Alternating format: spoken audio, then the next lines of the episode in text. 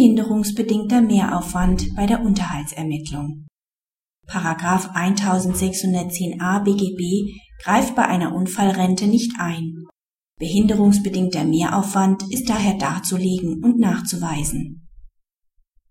Die Beteiligten sind seit 1980 verheiratet. Im Scheidungsverfahren wird der Ehefrau nachehrlicher Unterhalt zugesprochen. Beim Ehemann wird vom Amtsgericht eine Unfallrente wegen 1610a BGB außer Acht gelassen. Das Oberlandesgericht gibt den von beiden Beteiligten eingelegten Berufungen in geringem Umfang statt. Die Unfallrente ist beim Ehemann als Einkommensersatz anzusetzen. Paragraph 1610a BGB findet bei einer Unfallrente keine Anwendung, sodass die dortige Deckungsvermutung nicht eingreift. Der Ehemann muss seinen behinderungsbedingten Mehraufwand konkret darlegen und nachweisen.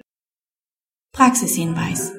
Unter 1610a BGB fallen zum Beispiel Pflege- und Mehrbedarfsrenten, Pflegegelder nach 37 SGB 11 und nach dem SGB XII Zuschüsse und Zulagen für orthopädische Mittel